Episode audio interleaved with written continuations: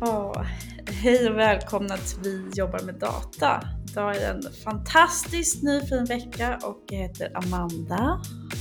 Jag heter Ola. Jag heter Simon. Och idag tänkte vi att vi ska prata lite om våra favoriter från Microsoft Build som var förra veckan. Och dessutom tänkte vi prata lite om IT-världens Godzilla vs Kong. Säkerhet versus produktivitet. Men först, hur är läget? Jag tycker att det är ganska bra. Jag är inte golvad av pollen konstaterade jag i morse. Jag vaknade upp och kände som att jag hade inte sovit någonting i natt. Då har jag sovit ganska många timmar. Så det var mycket pollen i luften i alla fall här uppe just nu. Olen, Olen, säger jag, Olen, pollen. Eh, Ola, pollen, det är bara en inställning, okej? Okay? Ja, du tänker så. Ja. Nej, men det, det, nej, men det är bra. Eh, jag börjar känna ålderskrämporna komma. Jag brukar säga att min min favorittid på året, det är den här månaden då jag och Ola är lika gammal på pappret i alla fall. Men imorgon smäller det, då, då levlar jag upp. Eller ja, när... blir det? Igår för när vi släpper det här avsnittet. Grattis efterskott, eller förskott, vad säger man? Grattis på 35-årsplan för tredje gången eller andra gången? Tredje gången. Eh, vi behöver inte prata mer om det. Forever 30 plus. Forever. Mm.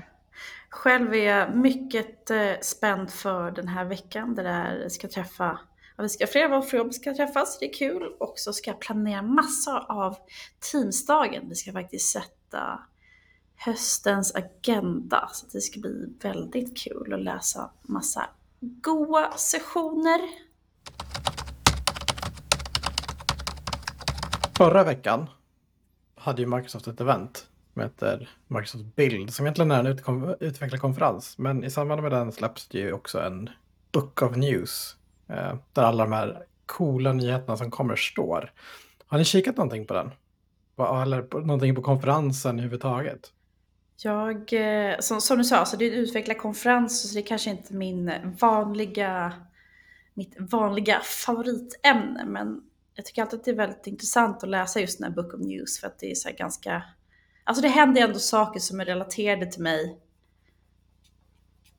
Trots att, eh, trots att jag inte utvecklas. Så jag läste men jag kollade inget alls förra veckan på det. Det känns ju också som att de här världarna som tidigare var lite mer isolerade, att utvecklarna höll sig på sin sida nästan och det närmare business och slutanvändarna var en helt annan sak. Men det känns på de här konferenserna att de kommer lite närmare eh, och att det handlar om ganska mycket liknande saker ibland ändå. Just den här gången så ja. var jag inte med live och så eh, och, och lyssnade på någonting utan jag har väl en liten backlog. Jag får skämmas lite grann och, och läsa på lite så här i efterhand. Eh, jag såg en cool grej eh, som jag vill gärna veta mer om. Det var ju det här med att det kommer plugins till Microsoft 365 Copilot. Och jag har inte fattat allting än, men det verkar som att man ska kunna bygga sina egna appar då typ och använda saker som Teams messaging extensions. Och det kan man ju se ibland inbyggt i Teams när man klickar på en liten app där nere. Eh, när du ska skriva vid chatten där nere, eller man ska säga. Eller konversationer där nere, att man kan klicka på en app. Man kan trigga igång någonting, en poll eller en sökning eller något liknande. Och att kunna knyta in det och göra sina egna sådana appar för att söka med ChatGPT eller, eller Bing och så eh, är ju riktigt coolt. Och även trigga igång saker och ting i Power Platform och så där Så att det, jag vill gärna lära mig lite mer om det senare och se vad vi kan bygga för coola grejer med någonting som redan är väldigt coolt. Coolt. Jag tycker att det är så intressant det där med, för att det brukar jag ofta säga till mina kunder att så här, Microsoft Teams är navet i din vardag och alltså det finns ju både fett många appar och plugins från Microsoft, men just också möjligheten att själv kunna bygga det exakt som jag själv vill ja. ha och ge till hela min organisation är ju grymt. Så. Det finns ju två sidor av det. Att lyfta in saker så att du kan ha tillgång till saker där du är Men även att enkelt kunna trigga igång någonting någon annanstans eller du vet godkänna en sak eller skicka igång en process eller någonting som sker i ett annat system någonstans. Det är ju också klockrent att kunna göra från Teams. Spännande och sen så såklart AI på det ja, som är det de släppte nu. Ja men gud vad intressant. Jag ser fram emot att höra mer när du har djupdykt. Kanske du kan bygga en cool app till mig. Jag får sätta mig med lite powerdrycker och eh, hoodien på ner i källaren och jobba. Vi hörs om några dagar? Okay? Ett problem Simon. Du måste, börja, du måste börja med att bygga en källare. Är du säker på att jag inte har en källare? Ja, helt säker på att jag har en källare. Nej, jag ska inte vara så. Too soon. Oh, ja, Ola, dina favoriter då? Ja, det var, det var ändå imponerande mycket som berörde Windows tyckte jag. Jag hade inte förväntat mig så mycket, men uh, så såg jag att Panos Panay skulle vara med och då betyder det att då kommer det komma saker. Uh, så det var lite, jag tror det största coolaste på Windows-sidan och klientsidan var väl att Windows även får en Copilot som kan integrera med stort sett allting på hela datorn. Den demon är sjukt snygg eh, tyckte jag. Den, för de, det var lite grann typ Cortana 3.0 ungefär i hur den betedde sig. Bara att du mhm. integrerar i textformat, du pratar inte med den. Men den kunde liksom bygga Spotify-spellistor eller ta fram Spotify-spellistor som passade ett visst scenario eh, och integrera. Ja, med det mesta, den demon var jäkligt snygg tyckte jag. Det blir inte uh, riktigt bara arbetskontext då, utan nu är det Nej. mer att okej, okay, jag är en konsument av Windows, oavsett vem Precis. jag är, nu ska jag ha ett värde av det här. Exakt, så du får hjälp att liksom effektivisera din vardag i, i Windows. Jag tyckte det var det som var lite läckert med att det är liksom inte riktigt, inte lika mycket produktivitetsinriktat som Microsoft 365 ja, Copilot är. Windows uh, Copilot, idag är jag sur, slå på musik som passar mig. Precis, arg musik. Nej men det var det största. Sen kom det lite grann kring eh, de kallade Dev, eh, var det, ja, men Dev Home som var någon ny upplevelse för utvecklare som skulle ta bort alla distraktioner och göra livet lite lättare att komma igång med sin klient som utvecklare. Du får tillgång till Git, bland annat VS Code lite enklare och snabbare utan att behöva gå ner till, all, gå till alla olika sidor och ladda hem det. Så fanns det direkt länkat från den setupen. Jag har inte kollat jättemycket på det, men det såg ganska läckert ut. Så jag, det var, det var, och sen kom en stor Edge-uppdatering också. Med, man introducerade någonting man kallar Edge for Business. Eh, som kan separera både arbete, eh, som skapar egentligen två kontexter. En privat och en arbetskontext. Lite liknande som man kan göra med profiler idag. Men att det ska vara mer automatiserat. Att man kan styra saker automatiskt. Det var väl de, mina tre stora favoriter från bild. Sen kom det en Windows 365-uppdatering förra veckan också kring att man kan bota direkt i sin cloud-PC. Men det kan vi prata om en annan gång. Men den kom under bild, men det hade ingenting med bild att göra som jag förstod det. Det var bara tajmingen som var bra. Du då Amanda, vad var dina favoriter? Ja, alltså, ni vet ju att jag ju förut eh, klagat lite på Microsoft att de släpper saker så förbannat tidigt och så tar det liksom tusen år innan det är möjligt att testa. Och nu är det en sån här grej som november 2021 så annonserade Microsoft eh, Mesh. Det är ju deras metaverse, ni vet. Det här fräcka VR och med headset som man ska vara i en virtuell värld och man är en avatar och hej och hå. Det känns som att det hade verkligen en så här superpeak. Sen så kom AI och så glömde alla bort det och så gick det lång tid. Men nu i alla fall så på bild så släppte Microsoft att man äntligen kan vara en Mesh-avatar i möten i Teams. Och det har funnits ganska länge i, i alltså privata previews och sånt. Men nu finns det äntligen i public preview. Så det innebär att om du har en dag när du inte vill sätta på kameran kan du ändå vara din fula lilla avatargubbe och eh, istället för att inte ha någon kamera alls. Jag tycker att vi kan eh, djupdyka i eh, Metaverse och Mesh ett helt avsnitt en annan gång för det finns mycket, mycket saker att säga, och speciellt nu när det släppt. Och en annan då sak som de faktiskt är helt nytt som är i eh, Private Preview är Immersive Spaces. Så om jag fattar det rätt så kommer vi kunna lägga till våra egenbyggda små rum till möten, så att man kan ha ett möte i ett immersive space istället för att man liksom ser varandras kameror eller man ser en delade skärmen. Så typ, ja, ah, nu ska vi spela in podden och så går vi in i vårt, vår eh, virtuella poddstudio. Där finns det stolar och bord och en whiteboard och fan vet jag, ett vattenfall. Så att det liksom ska bli lite mer levande. Eh, en datapunkt som de eh, släppte, Eh, inte, inte på bild, men ganska nyligen i Microsoft var att 43% av ledare tycker att det svåraste med det här flexibla med hybrida arbetslivet är att bygga relationer. Och då är tanken att då de här immersive spaces, att man ska kunna träffas hybrid, att det ska liksom överbrygga det här. Så att, eh, alltså jag, jag, tror att det här kommer vara en grej och sen så vet jag inte om det är när vi tre är unga och jobbar. Men som sagt, jag tycker vi sparar det ämnet för det är superspännande eh, att det faktiskt börjar hända lite saker nu på riktigt. Förra veckan så tog jag min dator, jag tog min mus och jag tog mitt headset för att gå och jobba på ett fik.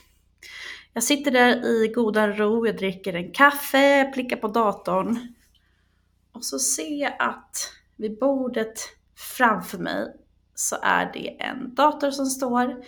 Den är olåst, Outlook öppet, och hon som sitter och jobbar där, hon är inte där. Hon är borta och hon var borta i typ 20 minuter. Och till skillnad från min dator som låses efter typ 30 sekunder nu med min nya miljöinställning som Ola har lärt mig att göra. Så var hennes, alltså jag lovar att jag stod och stirrade på hennes Outlook i typ 10 minuter. Vad säger ni? Är det här så, så en användare ska behandla sin dator i ett offentligt utrymme? Jag har en fråga till dig. Go en fråga till dig.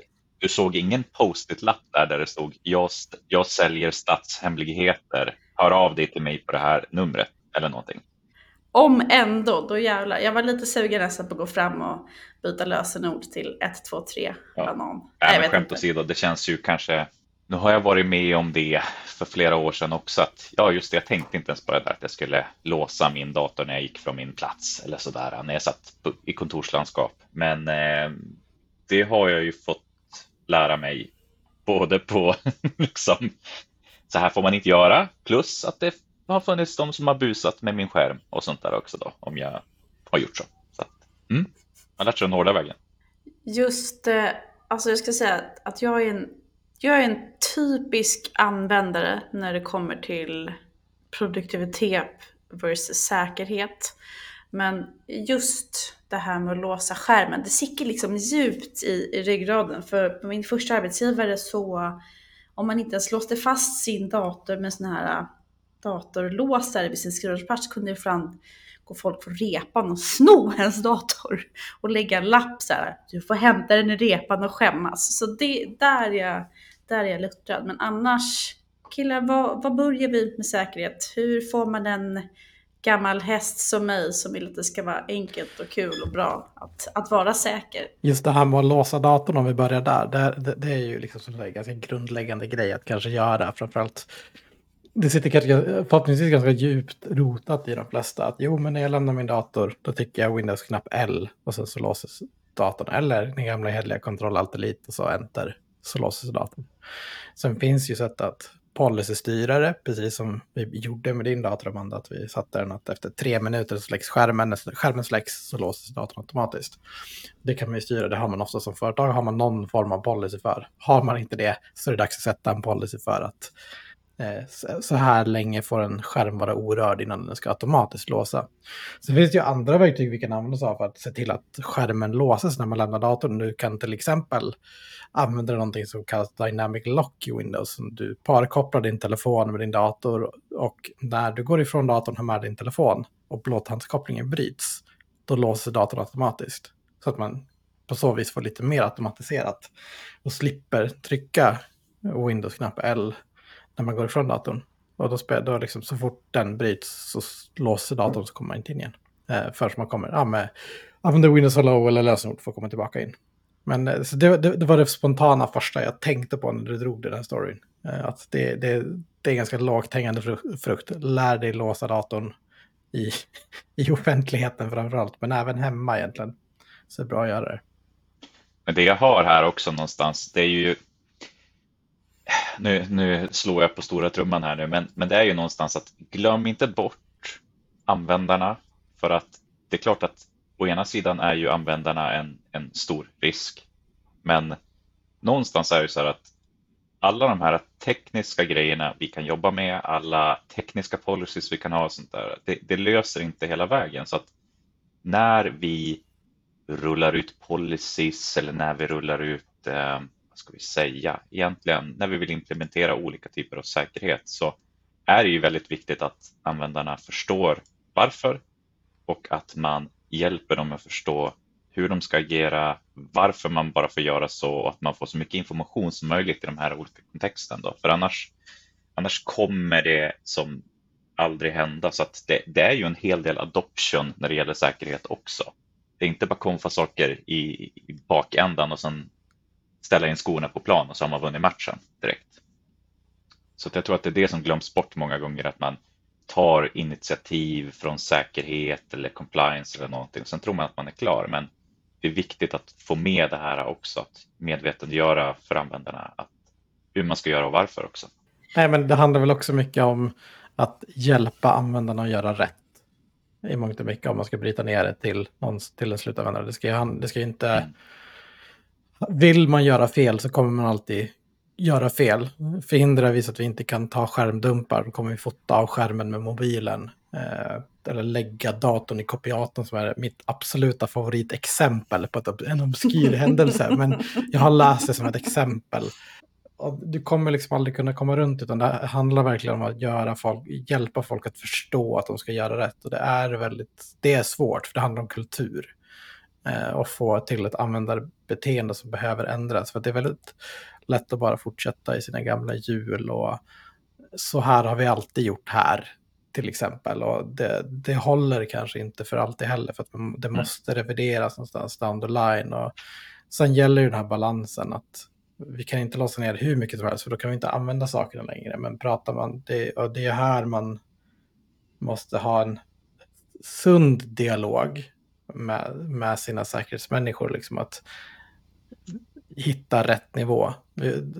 Säkerhetsmänniskor tenderar att vilja låsa ner allt och göra allt, vilket är på sätt och vis jättebra, men det blir också väldigt, vad ska vi säga, fel åt andra hållet. Att ja, men då hittar användarna vägar runt. Man börjar forwarda sin mail till sin, sin privata Gmail för att jag fick inte ha eh, jobbmailen på min privata telefon. Då hittar man vägar runt den vägen. Så det gäller liksom att hitta lager. Det är som två saker jag tänker på här. Det ena är ju att på en hel del säkerhetsavdelningar så vill de kanske inte äga så mycket ansvar heller. Eh, och där, där, finns det, kan det bli bättre många gånger att kunna jobba mer proaktivt. För annars blir det som du säger då att eh, det är bättre att kunna visa vägen. Hur gör man på ett bra sätt? Hur, gör, hur arbetar du på ett säkert sätt? Att vi har tänkt i förväg. Då. Hur kan vi dela saker och ting på på rätt sätt istället för att bedriva en polisiär verksamhet då, och istället komma och säga nej nu gör du fel, så här får du inte göra. Eh, och ju mer skyddsräcken vi kan sätta upp och ju enklare vi kan göra det för användarna att göra rätt, desto mindre behöver vi ingripa sen också handgripligen. Då kan vi släppa dem mycket friare och inte låsa ner lika mycket. Men, men ofta är det ju så här då att tyvärr, tyvärr blir de här diskussionerna då väldigt separata. Att man sitter och diskuterar säkerhet. Vad är säkerhet? Hur kan vi vara säkra? Hur kan vi se till att det inte görs fel här? Medan verkligheten ute i business är att man kanske behöver jobba på ett annorlunda sätt som inte är förenligt med det man anser är säkert. Så kan vi inte ta den diskussionen samtidigt så får vi ett gap där och det är då det blir som du säger Ola att man måste hitta vägar runt systemet. Det är därför det är så viktigt att man diskuterar de här sakerna samtidigt då för att hitta den här balansen. Annars blir det väldigt, väldigt svårt. Och någonting som, ja men som sagt, jag är en, god och glad användare när det kommer till säkerhet, jag vill bara att det ska funka. Men, men det jag gillar är att det ändå finns, ja, i alla fall i Marks 365, många bra sätt att hjälpa till och göra rätt. Jag vet Simon att du är en riktig fena på sensitivity labels, jag vet inte vad det heter på svenska, men det tycker jag är jätteenkelt som användare att jobba med, att jag vet att de har ett team eller en fil som är väldigt konfidentiell, då kan jag sätta en sån tagg, eller är det öppet, då kan jag sätta en öppen tagg och så med hjälp av de här taggarna så, så får jag hjälp att, ja men är det konfidensmaterial på det här teamet, nej men då kanske det inte går att bjuda in externa personer som gäster, utan då kanske man bara kan vara interna. Så att, eh, mm det, jag vill bara att det ska vara, det ska vara liksom ett klick och sen så bara följa efter allting med smidigt, smidigt och bra. Men det är faktiskt en oväntat lågt hängande frukt, för man tänker sig att sensitivity labels eller känslighetsetiketter som det heter på svenska då, är någonting som är väldigt svårt att få till och avancerat och så. Men just när det gäller team, SharePoint-sajter och Microsoft 365-grupper så är det mer inställningar vi vill ha och skydd på olika nivåer kan man säga. Så jag brukar ibland tänka att vi ska ha en som är en vanlig standard, vi ska ha en som är mediumsäkerhet och vi ska ha en som är large eller extra large säkerhet då, någonstans. Och eh, med hjälp av tydliga beskrivningar, lite utbildning så att användarna ska förstå när de skapar upp och beställer sina team att okej, okay, här, här behöver vi extra mycket säkerhet. Då väljer jag bara den labeln och sen så får jag alla inställningar. Jag satt faktiskt häromdagen och eh, med lite systemdokumentation för hur, de, hur en, eh, en kund skulle skapa sina team då och det här hade de ju gjort innan det fanns labels på ett bra sätt och där det stod verkligen, ja men som det, som det kan göra, gå in i SharePoint, ändra den här inställningen så att du inte kan dela så, gå in i Teams, ändra den här inställningen och så vidare och så vidare. Men det där kan man ju då översätta till att ja, men, lägg på den här labeln och så får alla den inställ inställningarna automatiskt istället. Då. Och det blir ju enklare för slutanvändarna när de väl har förstått vilka de ska välja. Ja, bara, bara det finns information om, om varför och hur så, alltså jag personligen, jag, jag rättar mig gärna i ledet om jag, får, om jag får veta varför, men om det är så här, Amanda du måste ha ett lösenord med 100 miljoner tecken för att det är säkert, så blir jag så här, men det är ju jättekrångligt för mig. Det måste ju vara enkelt och säkert, men ja. Och jag såg dessutom att jag gjorde ett litet utredande arbete om Teams Premium för några veckor sedan. Att det även ska komma då sensitivity labels på möten. Så att även att det där ska eh, kunna, eller att det, det finns sensitive labels på möten i Teams Premium men inte i standard tyvärr, vilket är tråkigt. Och det som Ola sa då att man kan eh, ta en bild eller en screenshot på skärmen. Det är ganska nice också att de har vattenmärkningar i möten. Då. Och då tänkte jag först att jaha, men det, nu står det bara att det är konfidentiellt eller något liknande. Men det är ju verkligen så här att när, när du på din skärm så står det din mailadress eller din, ditt användarnamn helt enkelt. Att skulle du ta en screenshot och dela det med någon från det mötet, då står det väldigt tydligen vattenmärkt att oj, nu är det Simon som har delat det här. Simon som ja, råttan. Ja, jag tycker att det, det tycker jag är en grym istället. För att jag såg också att det finns för att man kan lägga till så att det också är så på, på sin bild. Så att till och med om man har ja, men människor som man inte vill att man ska dela vidare bilden på så ser man direkt. Ja, nej men det var Amanda som eh, visade hur alla ser ut. Här, då vet vi det. Får hon sparken. Mm. Nej. Ola, har du någonting som du kommer på som du antingen tycker är för lätt släppt ibland, eller om man nu ska säga, eller för hårt för den delen? Något du kommer att tänka på? Inte så här på rak arm, eh, om jag ska vara helt ärlig. Det, det, finns, eller det finns så mycket kanske också. Eh, men en sak som jag vet att du och jag kommer ganska mycket fram och tillbaka till Simon, det är det här med att ta hand om sina enheter och framförallt att vi konsumerar ganska mycket data från våra privata mobiler också.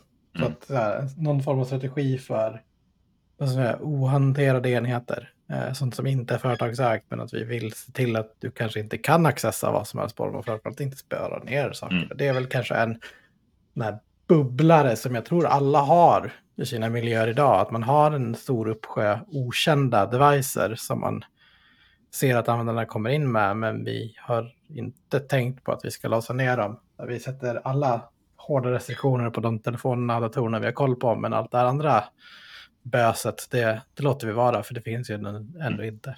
Vi kan det, väl backa bandet lite grann där. Jag tänker så här att förut, förut liksom, för x antal år sedan eller x antal månader sedan, då behövde man ju bara bry sig om sina egna företagsenheter i stort sett.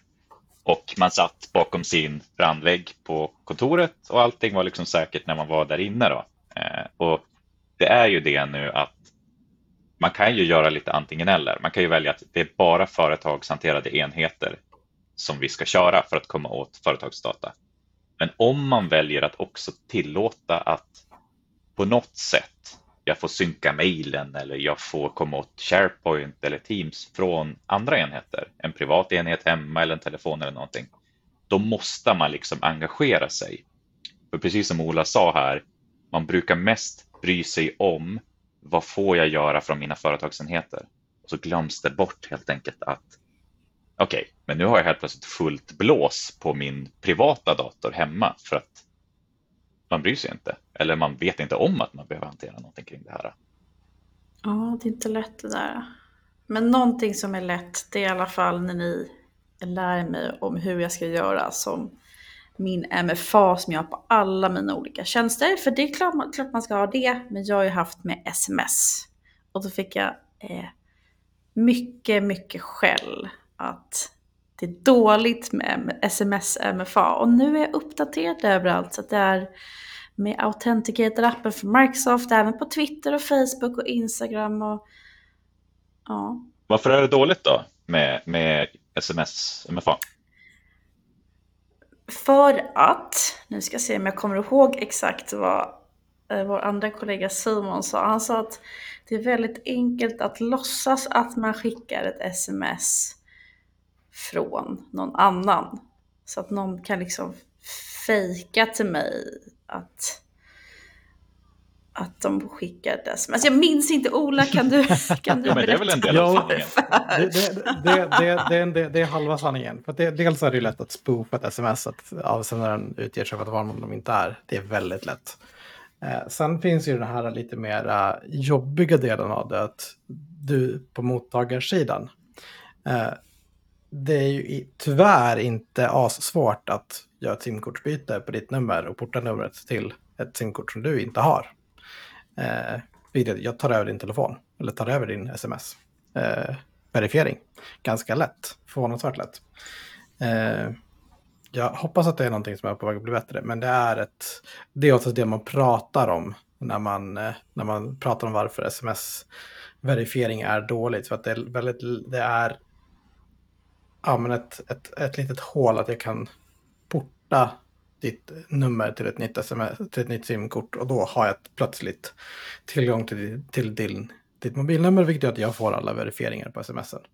Så det, men det blir lite trygg falskhet. Precis, det är lite det det är. Lite, och det, det, är den stora anledningen till att man vill komma bort från sms-verifiering. För den är en falsk trygghet. Den är bättre än ingenting men den är fortfarande inte bra. För den är lite för lätt att hacka.